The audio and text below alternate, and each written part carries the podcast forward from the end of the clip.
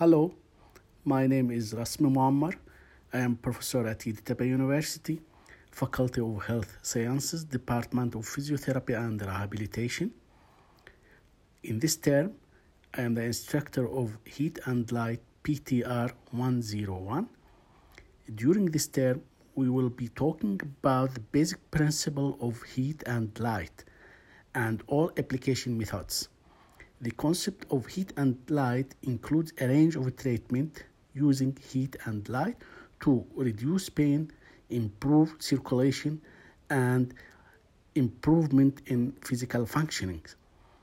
The list of different type of heat and light can help the student to understand how it's commonly used in physical therapy. It includes hot pack, paraffin wax, hydrotherapy, infrared, ultraviolet, and other modalities.